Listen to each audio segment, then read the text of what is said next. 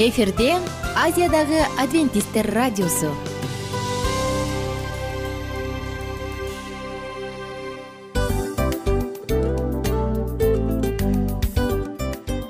Достор салют.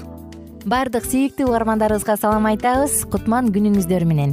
Ден соолук өмүрдүн булагы демекчи саламат саамы программасында баарыңыздарды көргөнүбүзгө абдан кубанычтабыз. Анда алгач амандашып өтөлү арбаңыздар деп. Ден соолугуңуздар кандай элибизде көбүнчө ден соолук кандай дегенде эле жакшы деп жооп беребиз э? ооруп турсак дагы жакшы дейбиз. Анан мен муну айтып ойлойт элем бул абдан сонун сөз депчи анткени бул жакшы деген үмүт да э ооба баары жакшы болот. Баары сонун. Деп үмүттөнүп атып эле өзүбүздү өзүбүз дарылап коебуз. Анысы кандай? Сиздин дагы ден соолугуңуз жакшы беш деген үмүттөбүз чындыгында ден соолук бул өмүрдүн булагы деп бекеринен айтылган эмес деп ойлойм. Кыргыз элинде анткени эгерде ден соолук жок болсо анда адамдын жашоосунда калган баардык керектүү маңыздуу нерселер өзүнүн баалуулугун жоготуп коет. Ошондуктан ден соолук бул эң керектүү нерсе. Ооба туура айтасың кесиптешим. Чынында ден соолугуң жок бир эки үч күн ооруп калсаң эле э кандай болуп калат? Жашоодо көз каранды болуп каласың көп нерсеге жетишпей каласың көп нерсени кыла албай каласың жада калса эшикке дүкөнгө да чыга албай каласың. Туптуура анан ден соолук болсо демек биз биздин бактыбыз тоодой деп койсок болот.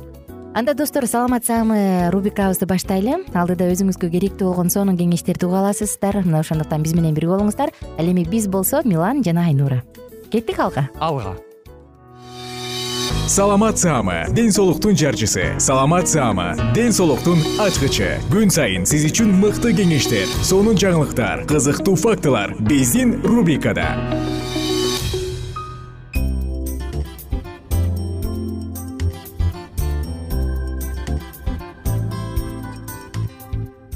кутман күнүңүздөр менен достор кадырлуу замандаштар жалпыңыздар менен кайрадан биз жагымдуу саатыбызды баштадык. Саламат саама рубрикасы жана сиздер менен бирге кызматта мен айнура.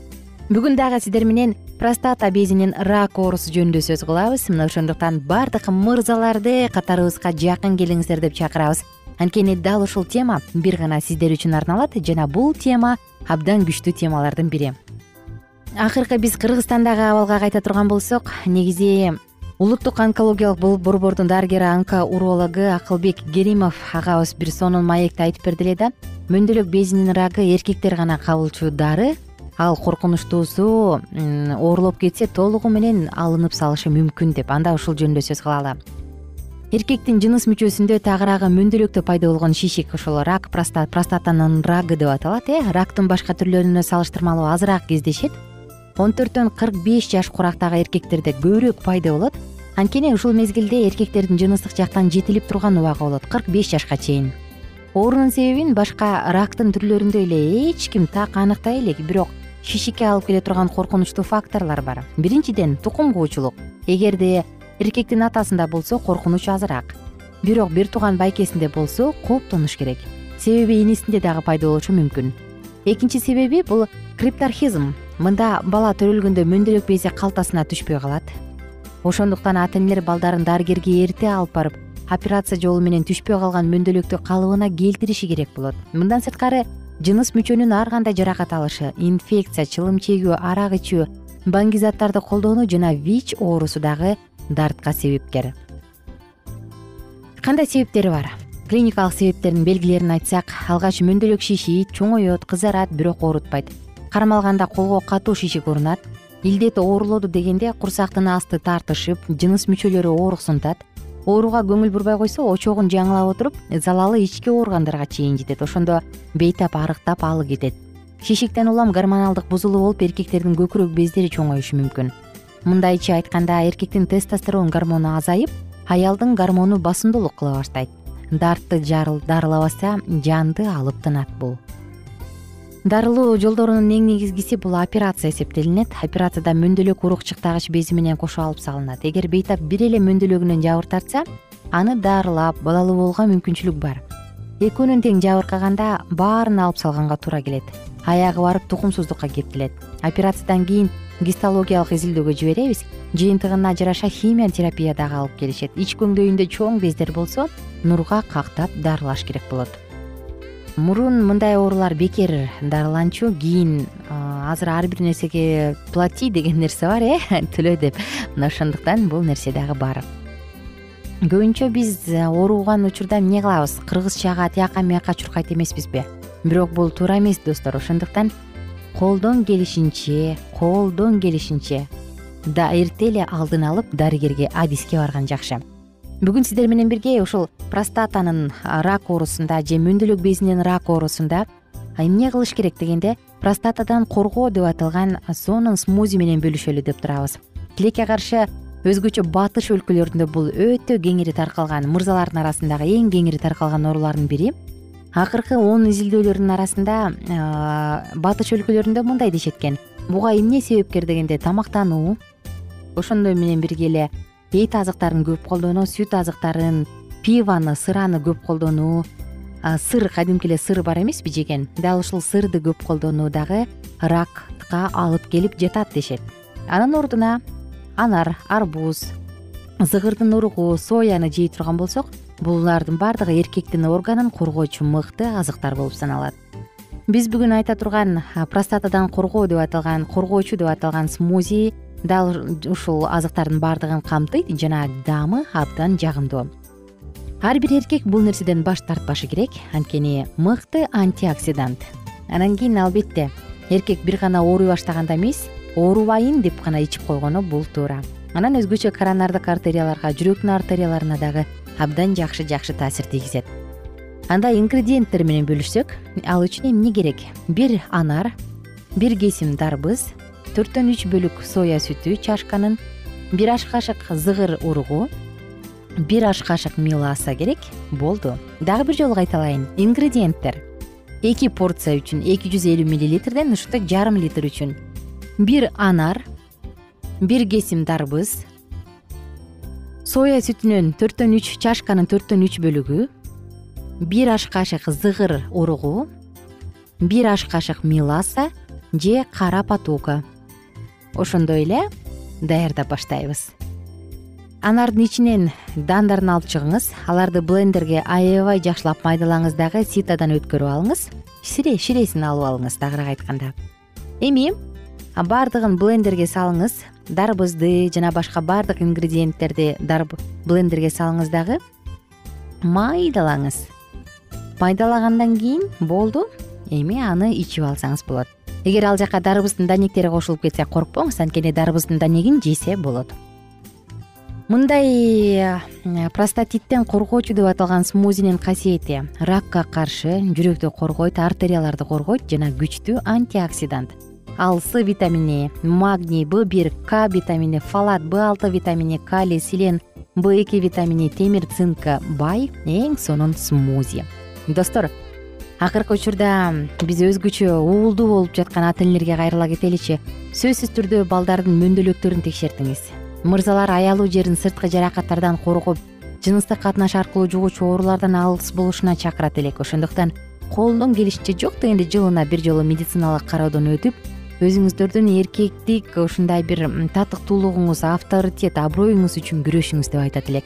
Эркектер ооруканага баргандан коркушат эмнегедир таң каласың бирок барып баардыгын алдын ала текшерип кое турган болсоңуз сиз өзүңүздүн дагы үй бүлөңүздүн дагы бакыты үчүн күрөшөсүз достор саатыбыздын соңку мүнөттөрүндө сиздер менен коштошчу учурга келдик. Кийинки уктурууда дагы сонун маалыматтар сиздер үчүн гана жаңырат ошондуктан баардыгыңыздар менен кайрадан амандашканча сак саламатта туруңуздар.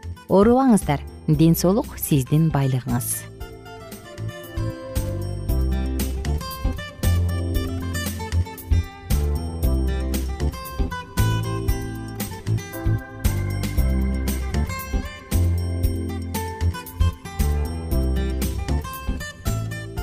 кененирээк маалыматтар үчүн үч w чекит саламат чекит клуб сайтына келип таанышыңыздар. Жана андан тышкары социалдык тармактарда youtube facebook жана instagram баракчаларына катталыңыз. Саламат саама ден соолуктун жарчысы. Саламат саама ден соолуктун ачкычы. Күн сайын сиз үчүн мыкты кеңештер сонун жаңылыктар кызыктуу фактылар. Биздин рубрикада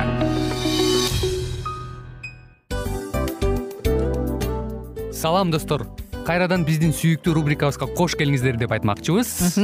Баардык замандаштарыбызга арбаңыздар деп саламыбызды айтабыз. Улуу ушундай бир урматтаган учурашуу менен анан дил маек радио баракчабызга чакырабыз. Негизи дил маек биздин рубрикабызда эмне жөнүндө кеп кылабыз бул дил маектин мааниси эмнеде рубрикабыз менен кичине тааныштырып кетсеңиз. Сөзсүз түрдө тааныштыра кетейин. Кесиптешим суранычы боюнча бул учурда бул радио баракчада биз ар тарап кесип ээлеринен сонун кеңештерди алабыз сүйлөшөбүз сырдашабыз. Аталарыбыздын эжелерибиздин апаларыбыздын кеңештерин угабыз айтор. Жан дүйнөгө адамдын э, сапатына адамдын деги эле адам болуп жашашына керектүү баардык кеңештер алдыда.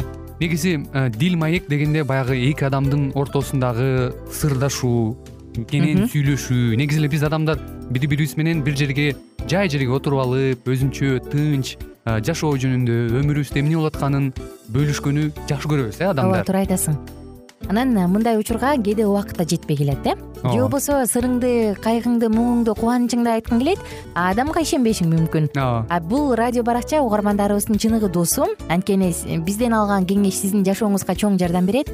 Ал эми сиздин бизге айта турган сөзүңүз ортодо гана сыр бойдон калат. Ошондуктан биздин дил маек рубрикабызга дагы бир жолу кош келиңиздер. Жана биз даярдаган маалыматтарга даяр болуңуздар. Айнура жана милан сиздер менен бирге алдыга кеттик ар түрдүү ардактуу кесип ээлеринен. Алтын сөздөр жүрөк ачышкан сыр чачышкан сонун маек. Дил маек рубрикасында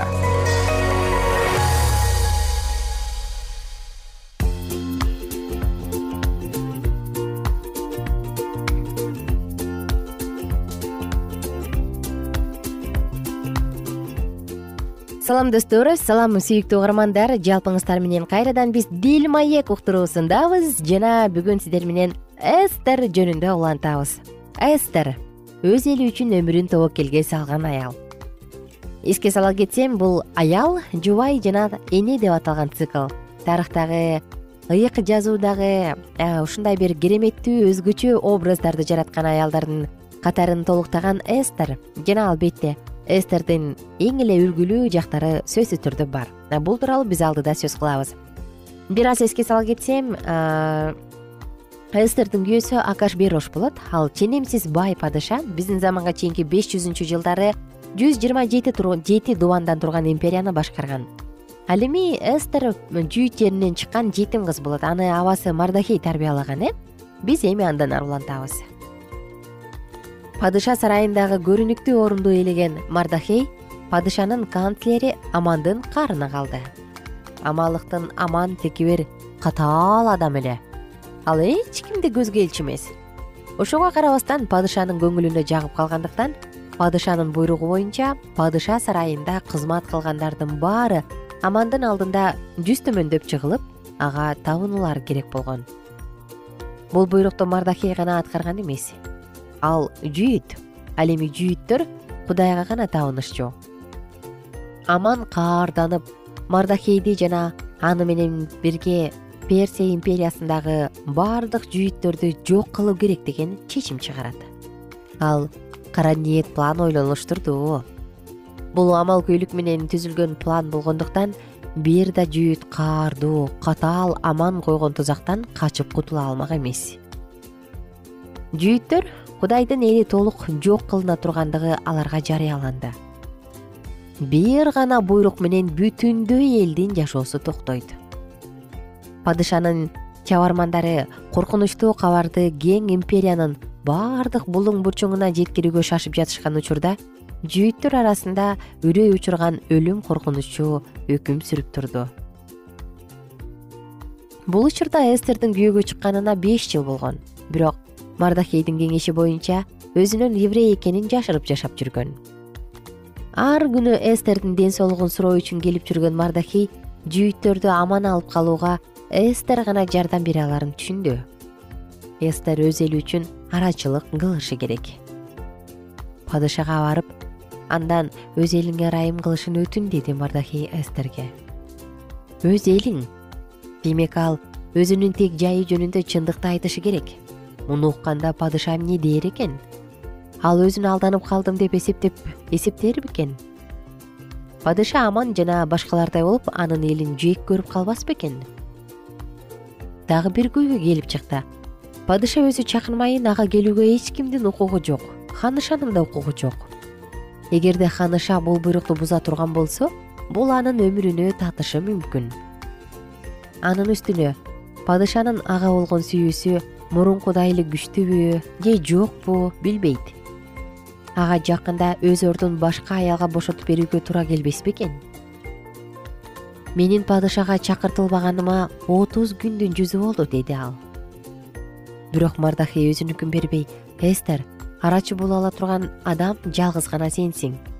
Жүйүттөрдүн ичинен жалгыз өзүң падышанын үйүндө аман калам деп ойлобо.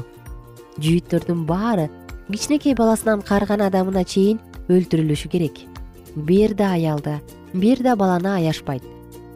Эгерде сен азыр унчукпай койсоң анда жүйүт элине эркиндик менен куткарылуу башка жактан келет.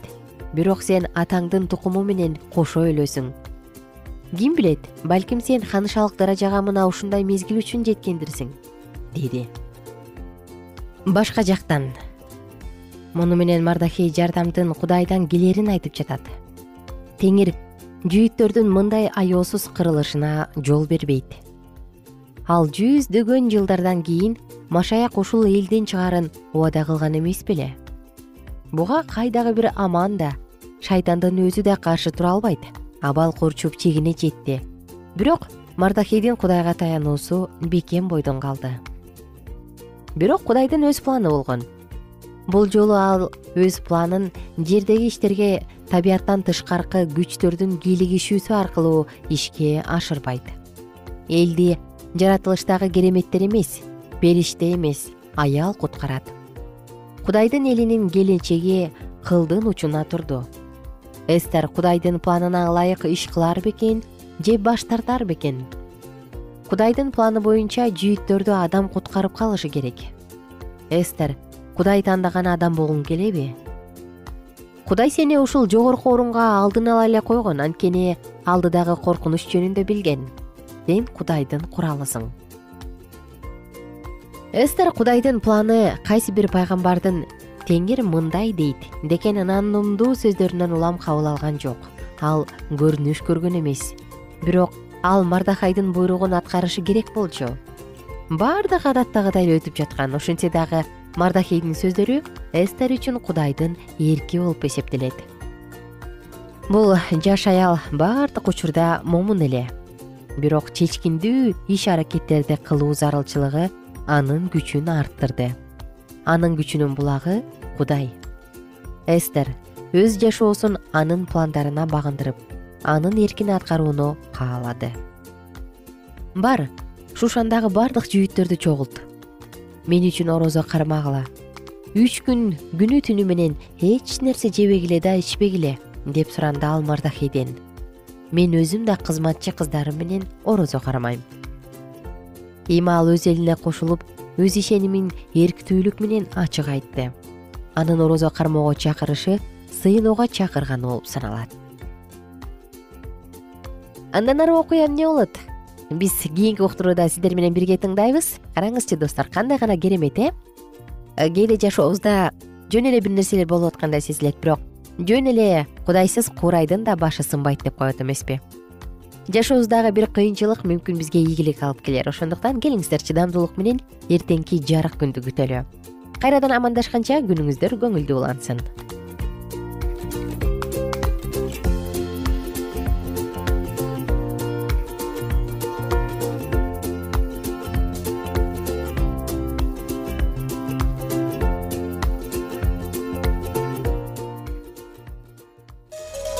ар түрдүү ардактуу кесип ээлеринен. Алтын сөздөр жүрөк ачышкан сыр чачышкан сонун маек. Дил маек рубрикасында.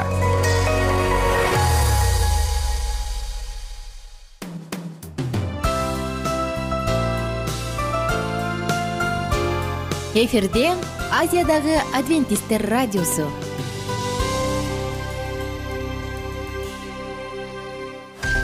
жан дүйнөңдү байыткан жүрөгүңдү азыктанткан жашооңо маңыз тартуулаган жан азык рубрикасы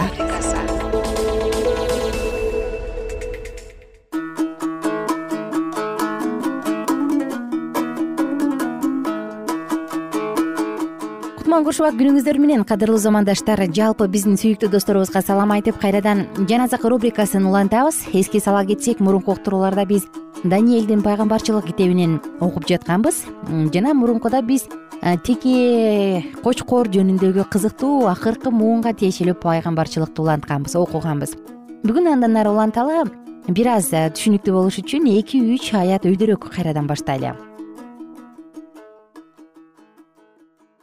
даниэль китеби тогузунчу бөлүм. Каздин падышачылыгынын үстүнө падыша болуп коюлган мадай урусунан чыккан акаш бейрош уулу дарийдин падышачылыгынын биринчи жылында мен даниэль китептерден теңирдин жеремия пайгамбарга айткан сөзүнөн иерусалим жетимиш жыл ээн каларын түшүндүм. Ошондо мен орозо кармап зумбал кийип башыма гүл чачып кудай теңирге жүзүмдү буруп сыйындым жалындым. Мен кудай теңириме сыйынып күнөөлөрүмдү ачык айтып кечирим сурап мындай дедим. Өзүн сүйгөндөргө жана өзүнүн буйруктарын аткаргандарга келишимди жана ырайымды сактаган улуу жана коркунучтуу кудай теңир биз күнөөгө баттык. Мыйзамсыз адилетсиз иштерди кылдык. Өжөрлөнүп сенин осуяттарың менен мыйзамдарыңдан баш тарттык падышаларыбызга төрөлөрүбүзгө ата бабаларыбызга өлкөнүн бардык элине сенин ысымыңдан сүйлөгөн сенин кулдарыңды пайгамбарларды уккан жокпуз. Теңир адилеттик сенде. Ал эми бүгүн биз ар бир жүйүт иерусалим тургундары жана сага ишенимсиз болгону үчүн өзүн кууп жиберген жакынкы жана алыскы жерлердеги бардык өлкөлөрдөгү бүт ысрайыл эли уят болдук. Теңир биз падышаларыбыз да төрөлөрүбүз да ата бабаларыбыз да уят болдук. Анткени биз сенин алдыңда күнөөгө баттык. Биздин кудай теңирибиз боорукер жана кечиримдүү. Биз болсо ага каршы чыктык. Кудай теңирибиздин үнүнө кулак салган жокпуз. Өзүнүн кулдары пайгамбарлар аркылуу берген мыйзамдары менен жүргөн жокпуз. Бүт ысрайыл сенин мыйзамыңды бузуп андан баш тартты. Сенин үнүңө кулак салган жок. Ошон үчүн кудайдын кулу мусанын мыйзамында жазылган каргыш тийип ант аткарылды. Анткени биз ага каршы күнөөгө баттык. Ал бизге жана биздин башкарып турган башкаруучуларга каршы айткан өзүнүн сөзүн аткарып башыбызга чоң алаамат түшүрдү. Андай алаамат иерусалимдин үстүнө түшкөндөй алаамат асман астында болгон эмес. Мусанын мыйзамында жазылгандай бүт алааматтын баары башыбызга түштү. Бирок биз өзүбүздүн мыйзамсыз иштерибизден бурулуш үчүн сенин чындыгыңды түшүнүш үчүн кудай теңирибизге жалынган жокпуз теңир ошол алааматты көзөмөлгө алып аны биздин үстүбүзгө каптатты. Анткени биздин кудай теңирибиз өзү жүзөгө ашырылып жаткан бардык иштеринде адилет. Биз болсо анын үнүн уккан жокпуз. Өз элин мисир жеринен күчтүү колу менен алып чыккан. Атүгүл бүгүнкү күнгө чейин өз даңкын көрсөтүп келе жаткан биздин кудай теңирибиз. Биз күнөөгө баттык мыйзамсыз иштерди кылдык. Теңир өзүңдүн адилеттигиң боюнча өзүңдүн шаарың иерусалимге өзүңдүн ыйык тооңо болгон каарың кайтса экен ачууң тараса экен анткени биздин күнөөлөрүбүз үчүн биздин ата бабаларыбыздын мыйзамсыздыктары үчүн иерусалим менен өзүңдүн элиң тегерегиндеги элдердин баарына шылдың болду. Кудайыбыз азыр да өзүңдүн кулуңдун сыйынуусу менен жалынуусун ук. Теңир ээн калган ыйык жайыңды өзүң үчүн өзүңдүн жарык жүзүң менен кара. Кудайым кулагыңды төшөп уга көр. Көзүңдү ачып биздин кыйраганыбызды жана өзүңдүн ысымың менен аталган шаарды кара. Анткени биз өзүбүздүн адилдигибизге эмес. Сенин улуу ырайымыңа таянып сенин алдыңа өзүбүздүн сыйынууларыбызды алып келебиз теңир уга көр теңир кечире көр теңир кулак төшөп аткара көр кудайым өзүң үчүн создуктурба. Анткени сенин шаарың да сенин элиң да өзүңдүн ысымың менен аталган. Мен сүйлөп жатканда сыйынып өз күнөөм үчүн өз ысрайылдын күнөөсү үчүн кечирим сурап жатканда кудай теңиримдин алдында кудайымдын ыйык тоосу жөнүндөгү сыйынуумду алып келип жатканда сыйынымды улантып жатканымда мен мурунку көрүнүштү көргөн жебирейил тез учуп келип кечки курмандык чалуу убагына жакын мага колун тийгизип акыл айтып мени менен сүйлөшүп мага мындай деди. Даниэль мен азыр сага акыл айтуу үчүн келдим. Сен сыйына баштаганыңда мага сөз айтылды. Мен аны сага айтканы келдим. Анткени сен эң сүйүктүү адамсың. Ошондуктан сөздү дит коюп угуп көрүнүштү түшүн сенин элиң үчүн жана сенин ыйык шаарың үчүн жетимиш жума белгиленди. Ал кылмыш жабылышы үчүн күнөөлөргө мөөр басылышы үчүн мыйзамсыздыктар өчүрүлүшү үчүн түбөлүк чындык келиши үчүн көрүнүшкө жана пайгамбарчылыкка мөөр басылышы үчүн ыйыктардын ыйыгы майланышы үчүн белгиленди. Ошондуктан билип түшүнүп ал иерусалимди кайра калыбына келтирүү жөнүндө буйрук чыккан убакытта негедир машаяк келгенге чейин жети жума жана алтымыш эки жума өтөт. Ошондо эл кайрылып келет. Көчөлөр менен дубалдар кайра курулат. Бирок бул кыйын мезгилдерде болот. Алтымыш эки жума өткөндөн кийин машаяк өлүм жазасына тартылат. Ал жок кылынат. Ал эми шаар менен ыйык жайды келе турган бир аскер башчынын эли талкалайт. Ал ташкындан кыйрагансып кыйрайт. Кыйроолор согуштун аягына чейин болот. Ошондон кийин ал көп элдер менен түзгөн келишимди бир жуманын ичинде күчүнө киргизет. Ал эми жуманын ортосунда курмандык чалынуу тартуу алып келүүнү токтотот. Ыйык жайга кыйратуучу жийиркенич орнотулат. Алдын ала белгиленген толук кыйроо кыйратуучунун өз башына келет.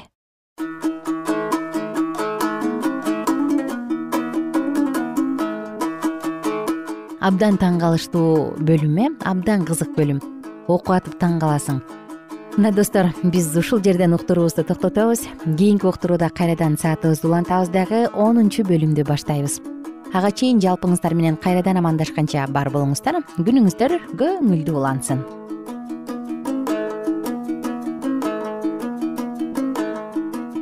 Эгер сиздерде суроолор болсо же көбүрөөк маалымат билем десеңиз анда биздин whatsapp номерибизге жазыңыз. Плюс бир үч жүз бир жети жүз алтымыш алтымыш жетимиш кайрадан плюс бир үч жүз бир жети жүз алтымыш алтымыш жетимиш.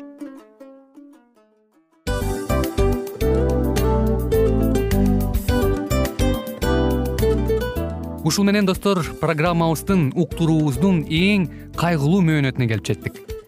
Кайгылуу дегенде ыйлагым келип кетти кесиптеш. Кадимкидей анткени баягы учурашасың анан коштошуу учур келгенде ии кантип ии эми бат баттан келиптир э сагындырбай деп атып араң коштошобуз го.